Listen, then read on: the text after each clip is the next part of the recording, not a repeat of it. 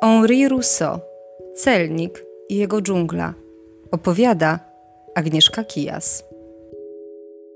Zamknijcie oczy. Jesteśmy w samym sercu egzotycznej dżungli. Tam, gdzie ryczy lew, a księżyc świeci przedziwnym, złotym blaskiem.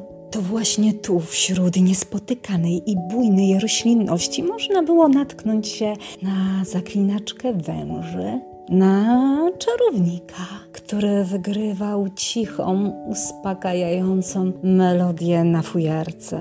Szanowni Państwo, oto dżungla Henri Rousseau, malarza, który był celnikiem no i tutaj dwa słowa wyjaśnienia, bo Rousseau tak po prawdzie to nigdy nie pracował na granicy, tylko w budce na przedmieściach Paryża jako inkasent i pobierał drobne opłaty od przekupniów. Ten pseudonim, dość żartobliwy, celnik, nadał mu nikt inny jak Guillaume Apollinaire. Był to awangardowy poeta, postać bardzo znana w kręgu paryskiej awangardy. Tutaj taki drobny akcent polski, on był polskiego pochodzenia. Był jednocześnie krytykiem literackim, zresztą pisał świetne teksty, a nade wszystko bardzo, bardzo przyjaźnił się z Pablem Picassem. Można powiedzieć, że to po prostu byli najlepsi przyjaciele, choć też tutaj tak na marginesie powiem, że ta przyjaźń nie wytrzymała pewnej próby, ale o tym opowiemy sobie innym razem. Wróćmy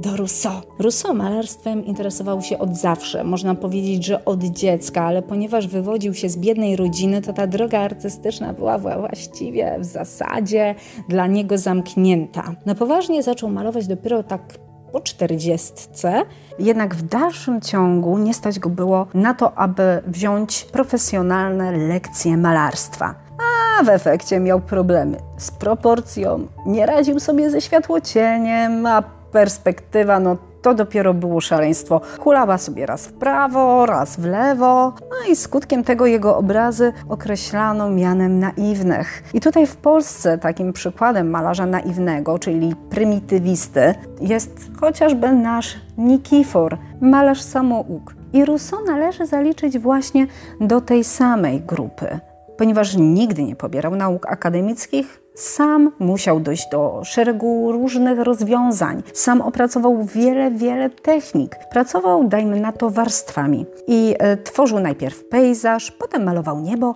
Potem dodawał rośliny i dopiero na końcu, kiedy to wszystko już mu ładnie wyschło, domalowywał do gotowego już krajobrazu, do tej gotowej sceny postacie swoich aktorów, wprowadzał ich do świata, który dla nich stworzył. Miał też patent na to, jak namalować deszcz. Nie wiedział, jak to zrobić, żeby krople były półprzezroczyste, więc sięgał po przezroczysty lakier, którym na samym końcu dopiero powlekał płótno. I dzięki tym technikom, tym jego własnym, naiwnym technikom, my dzisiaj patrzymy na obrazy Rousseau i widzimy w nich tę bajkę, tę baśń, tę inność, tę opowieść. Wiemy, że jesteśmy w zupełnie innym świecie i ta inność jest teraz wartością tych obrazów, chociaż nie zawsze tak było. Pewnego dnia Rousseau przeczytał w gazecie o wielkiej wystawie sztuki, oficjalnym salonie. Zamarzył, by tam zaprezentować swoje prace i niewiele myśląc zapakował swoje obrazy na drewniany wózek. Była to taka dwukółka, którą ciągnął przez ulicę Paryża aż pod drzwi pawilonu. Nie ukrywam, że był to wyjątkowo osobliwy widok dla Paryżan i wszyscy pukali się po głowie, co to też ten człowiek wyprawia. Jako artysta samouk, który nie miał pojęcia o technice malarskiej, Rousseau bardzo chciał poznać zdanie ekspertów, usłyszeć, co mają do powiedzenia o jego sztuce. Liczył na to, że zostanie doceniony, zauważony, ale werdykt okazał się miażdżący.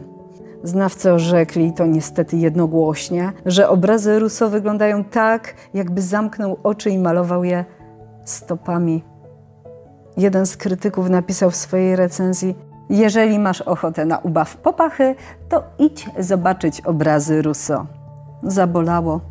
Później malarz jeszcze wiele, wiele razy wystawiał swoje prace na kolejnych salonach, na salonach niezależnych i regularnie były one wyszydzane zarówno przez krytyków, jak i przez publiczność. To była szalona salwa śpiechu. Ale mimo ciągłego pasma niepowodzeń, upokorzeń, szyderstw i cierpkich słów, Henri nie porzucił malarstwa.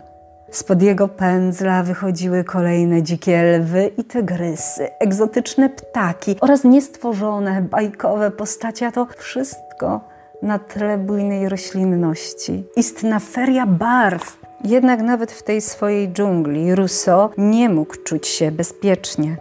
Poeta, o którym wcześniej wspomniałam, Apollinaire, czołowa postać paryskiej bohemy, wpadł na genialny pomysł, że zrobi sobie żart. Rozgłosił wszem i wobec, że inspirację do obrazów Rousseau czerpie z wyprawy, jaką niegdyś odbył do meksykańskiej dżungli. Ta, Meksyk. Jedna wielka bójda na resorach. Russo był biedny jak mysz kościelna i prawdopodobnie nigdy nie wyściubił nosa poza Paryż. Niemniej jednak plotki o Meksyku nigdy nie zdementował. Lubił być w centrum uwagi i bajeczka Apolinera była mu bardzo na rękę. Pytanie brzmi, Jakim cudem ten skromny urzędnik paryskiej skarbówki tak wiernie odwzorował tropikalną dżunglę? Ano, prawda jest taka, że nie odwzorował. On to wszystko zmyślił. Swoją egzotyczną dżunglę Rousseau poznawał siedząc z nosem w książkach, bądź też spacerując po zoo, tudzież po ogrodzie botanicznym. I trzeba przyznać, że z zapałem szkicował ogromne kwiaty, palmy, trawy, ale uważny obserwator dostrzeże, że te gigantyczne, przerośnięte rośliny do zbudzenia przypominają te nasze, doniczkowe, które mamy u siebie na parapetach i próżno ich szukać w atlasach przyrodniczych. Tam ich nie znajdziecie, tam nie znajdziecie gigantycznych, żółtych nenufarów, quasi lwów albo tygrysów, które wyglądają tak, jakby miały nieźle połamane kości. Źródłem malarstwa Russo była jego wyobraźnia. To dzięki niej stworzył dżunglę, w dodatku znacznie barwniejszą, egzotyczniejszą, piękniejszą niż była ona w rzeczywistości. Naga, ponętna kobieta leży na wyściełanej kanapie, ustawionej w samym sercu dzikiej dżungli. To Jadwiga, polska przyjaciółka malarza. Jej skóra, jej włosy, wszystko lśni złotym blaskiem i to paradoks, bo za ten blask odpowiada księżyc, który raczej kojarzony jest ze światłem srebrnym, zimnym, chłodnym, a nie takim gorącym złotem. Ale to nie ma znaczenia. Tutaj wszystko jest możliwe. Jesteśmy w dżungli Rousseau, gdzie obowiązują zupełnie inne zasady. Rośliny i zwierzęta też są jakby z innego świata, baśniowego, nierealnego. I jeszcze ten ukryty w zaroślach grajek. Jaka jest jego rola? Na to pytanie odpowiedział już sam Henri Rousseau, który dołączył do obrazu krótki poemacik.